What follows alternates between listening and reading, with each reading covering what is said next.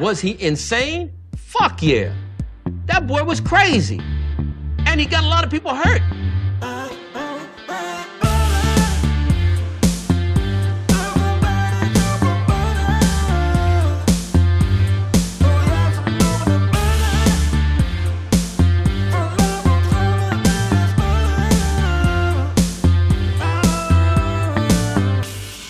Like butter. I fucking love butter. I fucking love it. What's up, motherfuckers? Welkom bij een nieuwe aflevering van de Zonde van Je Tijd podcast. Een podcast waarin ik niet alleen mijn eigen tijd, maar vooral ook uw hele kostbare tijd ga verdoen met het uitkramen van absolute onzin. Ik hoop dat deze podcast u treft in blakende gezondheid op deze schemerige slash toch een beetje zonnig, maar toch ook weer niet. Koningsdag. Eh...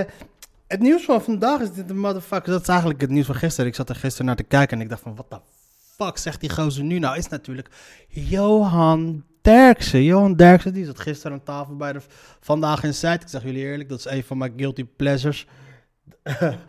en die gooide er opeens uit. Die, die begon over, opeens over hoe hij 50 jaar geleden een kaars in de kut van een vrouw had gedaan. Die bewusteloos lag te pitten. En eh, uiteraard, en ik was dat hele bit eigenlijk, was het eigenlijk helemaal vergeten tot ik het net een beetje inlogde. Ik, ik zit een beetje op internet en ik zie op een gegeven moment, ik, Johan Derksen op het nieuws. Ik dacht, fuck motherfucker. De situatie was dus als volgt. Er was, ze, ze praten natuurlijk over, over het cancelen, bla, bla. Dat gepraat is altijd weer over, over jeugdzondes. Volgens mij ging het over John de Mol, die, gis- Johnny de Mol, die gisteren om half, na de uitzending van half acht had gezegd dat hij gaat stoppen naar aanleiding van... ehm, Nieuwe beschuldigingen die binnen zijn gekomen naar aanleiding van zijn adres. Kennelijk scheen eh, eh, die ehm, nieuwe melding was van een anonieme bron die had via via eh, had bij de advocaat van John, Johnny de Mol, Peter Plasman, te kennen gegeven van joh luister eens, ehm, Johnny de Mol heeft dit en dit en dit en dit vroeger gedaan bij, ehm, bij de, deze anonieme meisje, anonieme meid.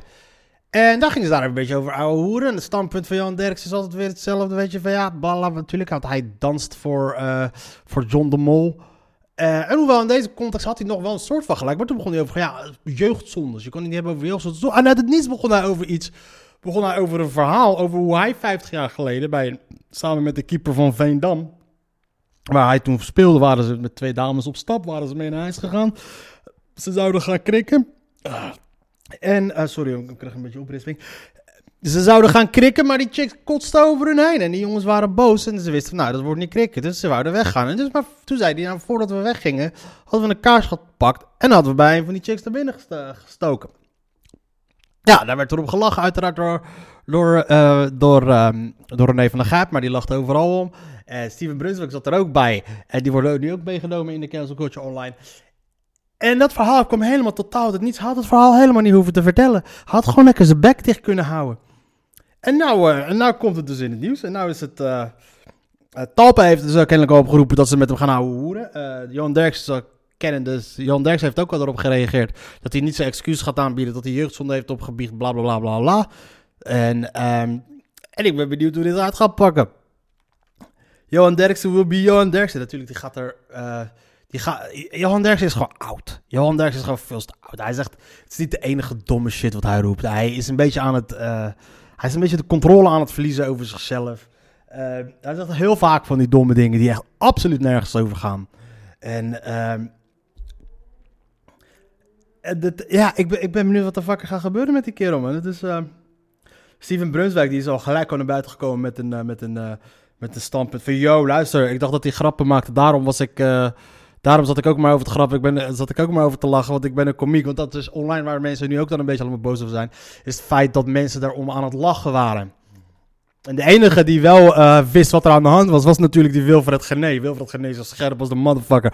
Die zit zwaar op zijn centen. Die laat echt geen kans die gaat er echt niet voor laten zorgen dat motherfucking oude racistische knar Johan Derksen zijn doekel gaat opfokken. Dat zagen we toen ook al met die uh, Aquasi-rel. Toen hij hem gewoon letterlijk keihard aanpakte daar zo. Om zichzelf maar in te dekken. En hij zat daar ook toen aan tafel. En dit was dan weer betreft van, yo luister eens. eh, dit, is, eh, dit, is, dit, is, dit is niet oké wat jij aan het doen was. En dat is nu het ding. En het lachen is dus ook dus... ehm normaaliter als het over cancel culture gaat, is er één kant van, het, eh, van die shit die dan daarop roept en de andere die steunt hem. Weet je, dat hadden we met die Marokkanen shit, hadden we met de Akwanzi shit. Je zag rechts Nederland, die zit helemaal Jan Derksen is de held, Jan Derksen de shit, al die, weet toch. Maar nu hebben ze Jan Derksen kanonnenhard laten vallen. Want waarom? Jan Derksen, die was niet zo te spreken over de wappies, over de ongevaccineerden. Hij hij- daar, had hij ook allemaal dingen over, la- over lopen uitspreken. Dus nu laten ze hem fucking hard vallen. Lopen, laten vallen alsof dat... eh, nou steunen ze hem minder dan eerst het geval was. En dat is wel hilarisch. En nou ben ik dus wel benieuwd van eh, hoe gaat eh, John de Mol hiermee om. Want, Johan Derksen heeft gewoon letterlijk hij gewoon tegen elke scheen, tegen iedereen lopen aanschoppen. Wat wel hilarisch is, wat ik wel kan waarderen. En nou is, het, is hij letterlijk, is er niemand die hem steunt. Dus ik ben benieuwd wat de fuck er gaat gebeuren met die shit. en het is eh, fucking gestort. Maar fijn, weet je wat, we gaan er gewoon weer een krantje bij pakken. Ik weet het, ik val terug pam. En het is, het ja, zoals ik al zei, dus het is Koningsdag, dus er ehm, worden waarschijnlijk ook weer lintjes uitgereikt. Ik weet niet aan wie, I don't care hoe. Maar we gaan gewoon even het krantje erbij pakken om te kijken van waar we het over gaan hebben. Om die gedachten weer lekker vrij loop toe te laten. Poetin en Bulgarije afgesloten van Russische gas. Nederland nog niet. Nou, ehm zoals we allemaal weten, de discussie wel of niet van de Russische gas af in de Europese Unie. En eh, Poetin is denk ik nu, heeft hij besloten, weet je wat, ik neem die beslissing wel really. Er werd al langere tijd rekening mee gehouden. De Russische president Vladimir Poetin draait de gaskraan richting sommige Europese landen dicht. Polen en Bulgarije zijn vanaf vandaag afgesloten van het Russische gas. Dat hebben de Poolse staatsgas- en oliebedrijf PGNiG, PGNiG, PGNiG en Bulgaarse Evgeny Bulgargas, Bulgargas te horen gekregen van het Russische Gazprom. Rusland dreigt al langere tijd de gaskraan dicht te rijden voor landen die niet in roebels willen betalen. De meeste Europese landen, inclusief Nederland, weigeren dat echt. Die hebben ook geen euro's. De euro's zijn wel wat anders dan die slotskis, dan die slotties waar ze mee betalen daar in, eh in Polen. Van de Nederlandse energiebedrijf is Eneco niet de enige met een lange termijn contract voor Russisch gas. Rusland heeft Eneco nog niet gedreigd om te stoppen met de gevering van gas. Met de gevering. Levering. Stelselbedrijf. Onvriendelijke landen volgens Poetin. Ah, fijn. Die oorlog is dus kennelijk nog steeds bezig en het blijft vervagen, vervagen, vervagen. Maar gelukkig hebben we telkens weer weer iets anders om over te gaan houden hoeren. Eh, want, ehm, ja, want wat, wat hebben we nu weer? Natuurlijk, eh, Twitter is overgekocht door Elon Musk. En dat is dan weer een dingetje. Natuurlijk is heel eh, de wat rechtere, rechtsere gedeelte van, eh, van het spectrum is daar hartstikke super blij mee. Want kennelijk komt vrijheid van meningsuiting nu wel weer terug. Want kennelijk is het dus een goed idee dat een of andere multi, multi, multimiljardair de controle krijgt over een zo'n gigantisch groot medium. Technisch gezien is dat helemaal geen goed idee. Maar aan de andere kant is het wel zoiets van, joh, log er gewoon niet in. Kap gewoon met, met Twitter. Cancel Twitter. Twitter is de bron van een hoop fucking ellende. En nou heeft deze motherfucker het in zijn macht. En er zijn dus kennelijk een hoop mensen en kennelijk een hoop idioten. Er zijn heel vaak ook de mensen die, die geloven dat de zo, zogenaamde multimiljardair Donald Trump dat doet uit, alles heeft gedaan vanuit de goedheid uit zijn hart. Geen enkele miljardair doet iets uit de goedheid van zijn hart, dames en heren. Elon Musk ziet zichzelf, maar dus daarom eh, gaat er natuurlijk, wordt er weer een artikel uitgebreid aan, eh, aan gewijd hier in de laatste dagblad. Is hij voorvechter van vrijheid van meningsuiting? Profiel, Elon Musk, avonturier met veel gezichten, ongeleid projectiel, maar erg geliefd. Elon Musk ziet zichzelf als een voorvechter van vrijheid van meningsuiting. En dat is dan ook zijn voornaamste belofte met betrekking tot Twitter. Welke gezichten heeft, hij, heeft de immens populaire tech-miljardair en wat is zijn drijfveer? In een interview met technologiewebsite Wired. Ik, zei, wa- ik, ik, Wired. Ik, ik las Wilfred, omdat ik natuurlijk met het verhaal van, van ehm, VI eh, vandaag in zette. Maar. In een interview met technologiewebsite Wired zei Elon Musk de mensheid van zichzelf te willen redden. Hoewel de overname van Twitter niet direct de op, opwarming van de aarde zal stoppen of de mensheid naar andere bewoonbare planeet zal transporteren, zijn nobele intenties, als we Musk moeten geloven, wel de basis voor het aanschaf van Twitter. Een van die intenties is het openbaar maken van de broncode van Twitter, zodat iedereen die dat wil verbetering kan voorstellen voor het sociale medium. Daarnaast wil hij algoritmes transparant maken die bepalen welke tweets bovenaan komen te staan. Bovendien wil hij de enorme hoeveelheid nep-accounts tegengaan, maar het belangrijkste is vrijheid van expressie en hij noemt zichzelf daarbij een free speech absolutist. Nou, kennelijk is uh, niet altijd het geval geweest, want uh, volgens mij heeft uh, Elon Musk in het verleden zelf ook wel eens mensen die kritiek op hem hebben gehad online proberen te doxen. Doxen is dat je er achterhaalt waar ze wonen, wie ze zijn. Vaak schuilen die dan achter anonieme accounts. Heeft hij, opge heeft hij uh, mensen willen laten ontslaan die kritiek op hem hadden, et cetera, et cetera. Dus het valt reuze mee. In zijn absolute, in absolute zin is hij dat in het verleden echter niet gebleken. Hij heeft, al, hij heeft het er weliswaar, weliswaar vaak over en doneerde ook, gul, doneerde, doneerde ook gul aan American Civil Liberties Union, die voor vrijheid van meningsuiting strijdt. Maar in het verleden ging Musk niet bepaald zachtzinnig om met mensen die kritiek op hem of zijn bedrijf hadden. Zo steekt hij regelmatig de draak met critici op Twitter. Um, ja, de, de, de, de, de met critici, dat heeft niks te maken met vrijheid van meningsuiting.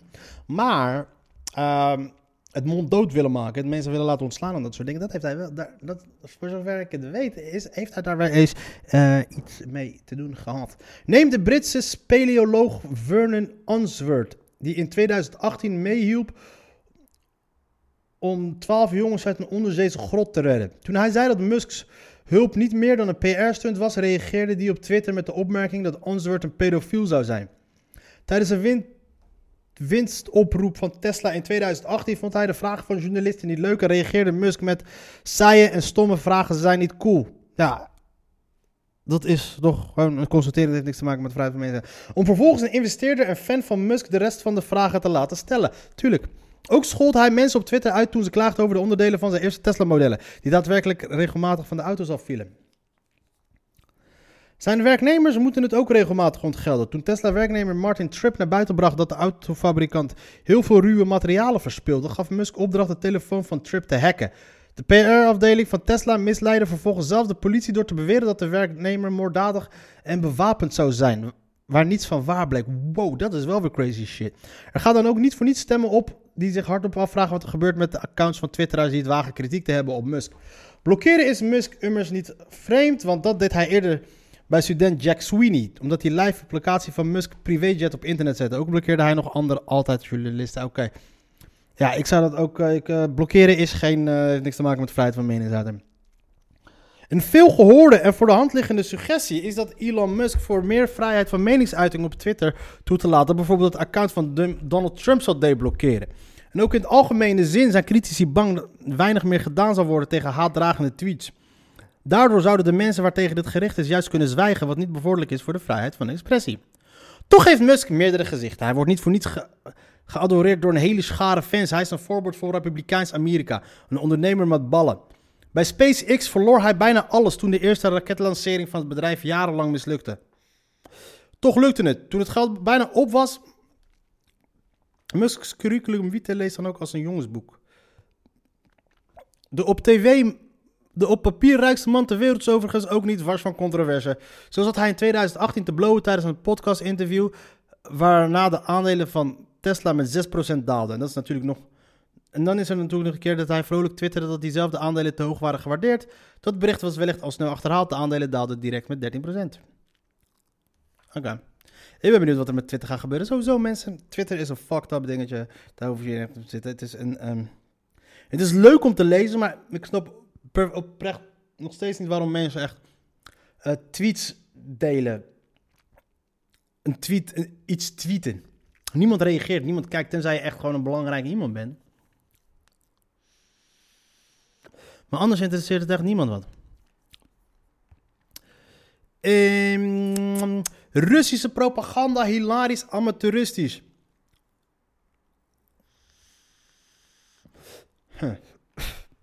Ja, kennelijk is de oorlog is kennelijk ook nog steeds nog bezig. Uh, Lavrov heeft alweer gedreigd met een derde wereldoorlog. En uh, gedreigd door niet te dreigen met een uh, derde wereldoorlog. Niet alleen het Russische leger stapelt blunder op blunder in de strijd tegen de Oekraïne. De Russische geheime dienst, de FSB, lijkt er ook wat van te kunnen. Maandag deed Vladimir Poetin een schokkende onthulling. Er was in Moskou een nazistisch moordcommando opgepakt dat in opdracht van Oekraïne van plan was de prominente Russische journalist Vladimir Zolovjov te vermoorden. Vanmorgen heeft de FSB een einde gemaakt aan de activiteit van een terroristische groepering die van plan was een prominente Russische tv-journalist aan te vallen en te vermoorden. Maakte de Russische president niet zonder pathos bekend. Volgens Poetin was de aanslag georchestreerd door hoge diplomatieke functionarissen in Europa en de Verenigde Staten, die er naar streven Rusland van binnenuit te vernietigen. De president voegde eraan toe te weten wie er verantwoordelijk was. We kennen de namen van de westerse inlichtingendiensten die dit sponsoren. Ten eerste natuurlijk de CIA, die samenwerkt met de Oekraïnse diensten. Ja, het is niet iets wat de CIA niet zou doen natuurlijk. De FSB, de opvolger van de gevreesde KGB, KGB gaf om het betoog van de president kracht bij te zetten een video vrij van wat er zo gevonden was bij de inval in het pand van de moordbende zich, waar de moordbende zich schuilhield. En daar ging het mis. De geheime dienst wilde blijkbaar niet het risico denken, nemen de boodschap niet zou overkomen. Hij leek de inventaris regelrecht het kuifje uit de jaren 50 te hebben geplukt.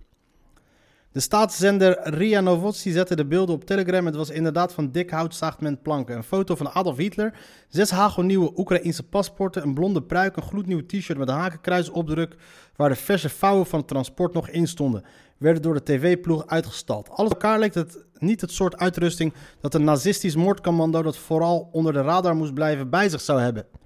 Maar dat was niet het enige. In de originele video waren te waren er, tentoongesteld op een bed, ook drie exemplaren van de computergame The Sims te zien. En een boek met een dreigende inscriptie.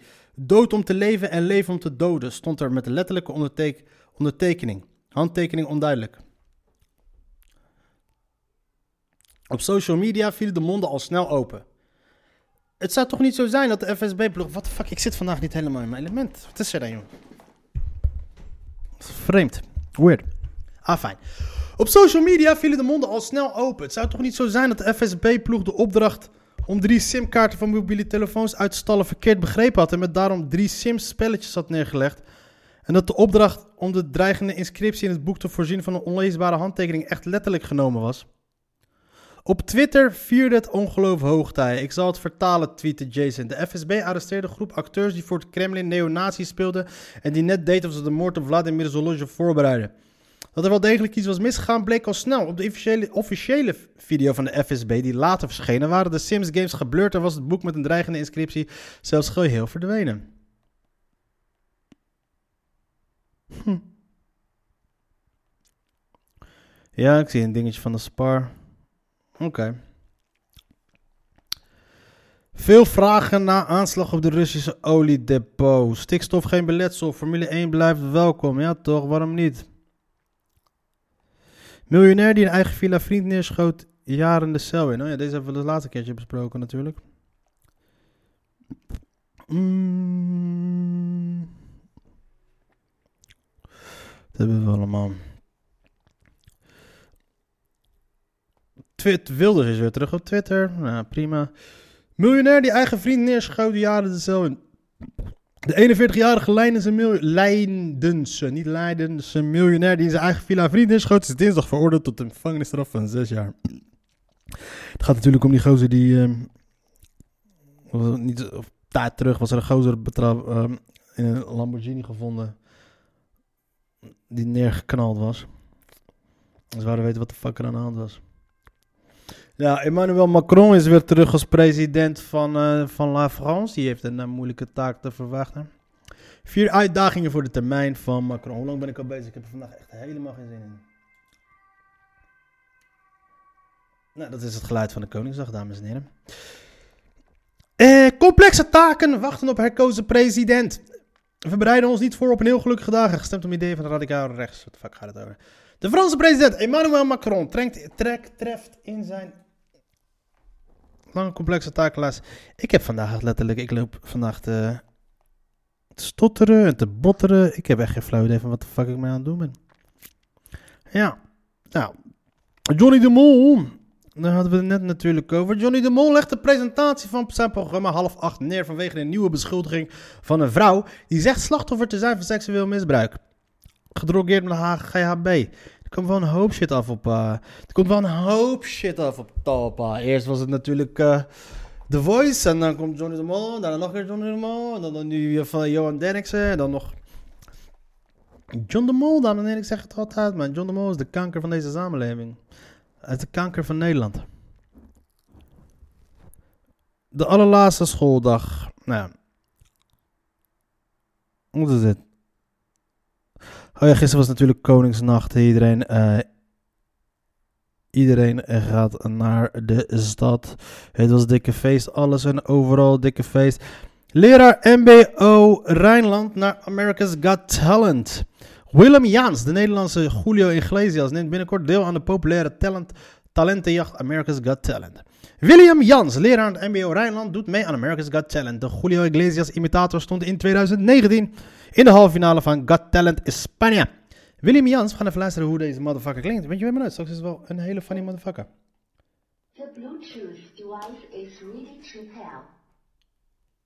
The Bluetooth device is connected uh, successfully. Wat jullie daar, wat, jullie, wat jullie daar horen is mijn eh, eh, Bluetooth speaker. En gek genoeg, man, William Jans. We gaan even horen of die, of die een beetje kan zingen.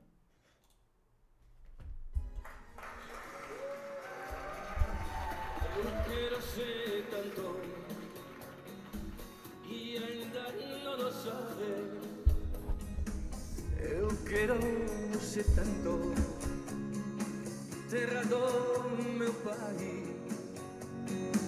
Quero as tuas ribeiras Oké, boeiend. faz lembrar. Hij kan waarschijnlijk best wel heel goed zingen.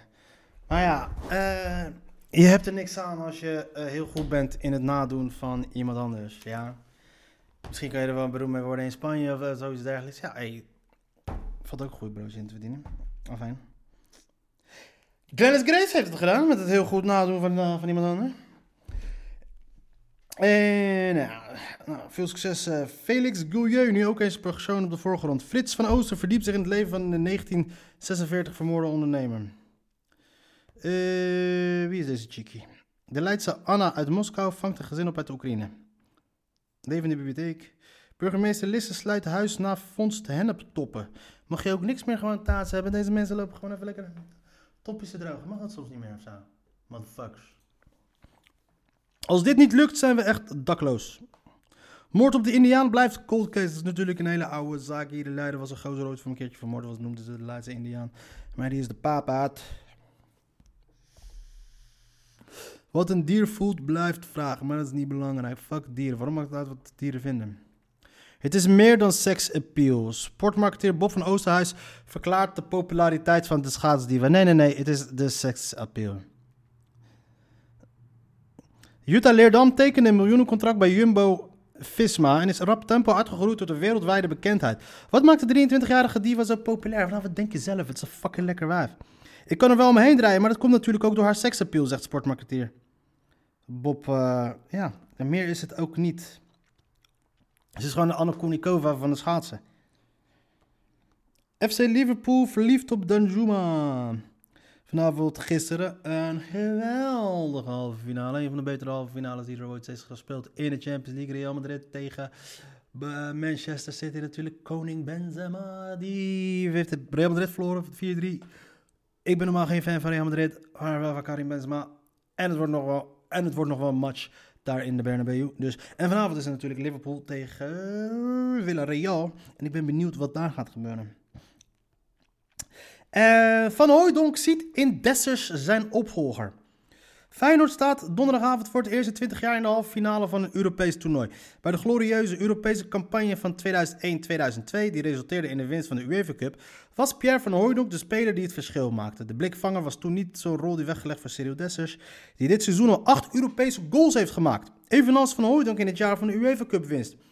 Ja, maar dat was dan natuurlijk zonder de voorrondes, hè? niet vergeten. Ik zie hem wel in mijn voetsporen treden als hij net zo beslis- beslissend geweest is als hij tot nu toe is geweest. Het was 20 jaar terug de laatste Europese trofee van een Nederlandse club. Oh ja, we moeten het wel even gaan doen. Feyenoord moet het wel even gaan doen. Eh, Marvin Bok helpt het eerste elfte uit de brand. Marvin eh, dat is al- eh, die ken ik wel natuurlijk, dat is aardig. Marvin Bok speelt nu bij Ronenberg. Is niet hoofdcoach van Ronenberg. Nou, prima. Eh was een goede voetballer vroeger. Eh, wat hebben we nog meer, dames en heren? Ik probeer het eh, gewoon even een eind aan te breien, want ik heb er echt helemaal geen zin in. Maar hey, wat moet, moet. Soms stel je aan jezelf bepaalde eisen waar je aan moet gaan voldoen. En dan moet je je eraan gaan houden, want het verleden heeft mij geleerd dat hoe sneller je eh je kantje er vanaf loopt en zegt van, ah joh, wat maakt het nu uit, wat maakt het andere, wat maakt het nu uit? En dan ga je dat de volgende keer ook makkelijker denken, want je hebt jezelf al in het hoofd geprent van dat het een optie is. En dat is het belangrijkste bij alles. Sommige dingen zijn geen opties. Weet je, opgeven is geen optie. En eh, net als in dit geval.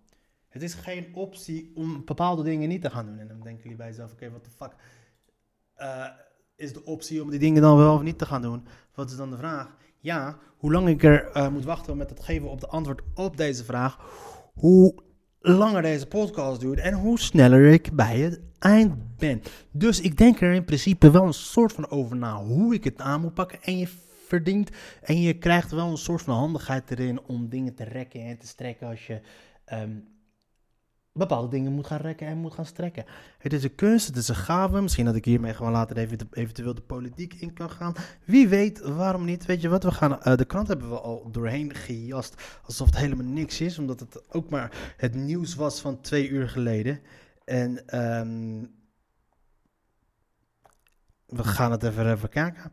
Uh, PSV-trainer Schmid gaat volgend seizoen aan de slag bij Benfica. Maar dat wisten we al. Ten Hag naar die andere. De krankzinnige show die spot met alle wetten in het internationale topvoetbal.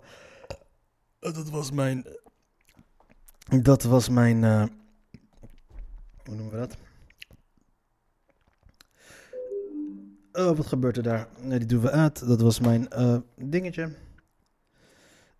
Eh, oh ja, om terug te komen naar eh, dat verhaal van Johan Derksen. Eh, zijn verweer is dat het gebeurde in de tijdsgeest van toen.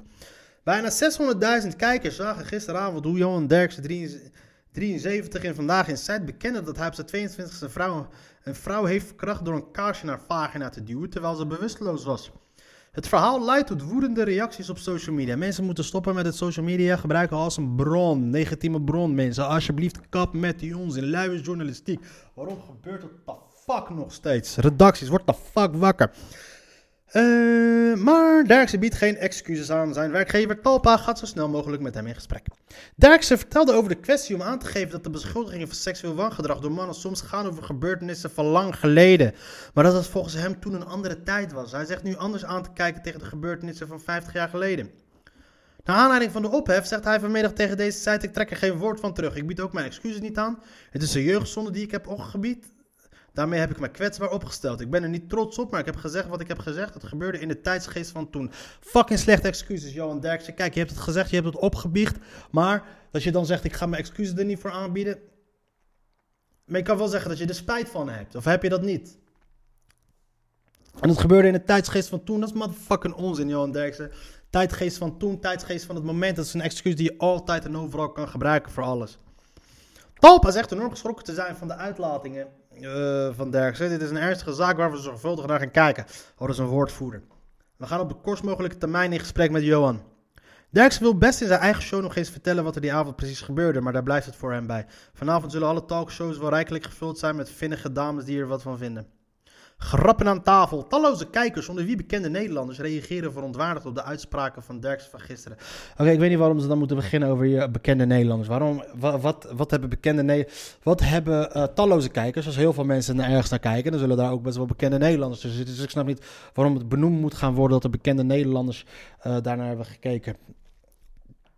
Zijn achternaam is trending topic op Twitter. Dat is geen onschuldige, dit is geen onschuldige jeugdzonde, maar een bekentenis dat hij een vrouw heeft verkracht, is de consensus. De grappen die Derksen tijdens het programma maakte met René van der Gijp en tafelgast Steven Brunswijk, bijvoorbeeld over het formaat van de kaars, maakten het volgens hem nog pijnlijker. Hoe kan een man zich zo veilig voelen? Bla bla bla. Twitter, Twitter, Twitter. Als ik eraan te- terugdenk, je schaamt je kapot, begon Derksen het verhaal in de show. Een heel smerig verhaal hoor, maar dat soort dingen gebeurden. Ik was met de keeper van Vindam, bla. bla.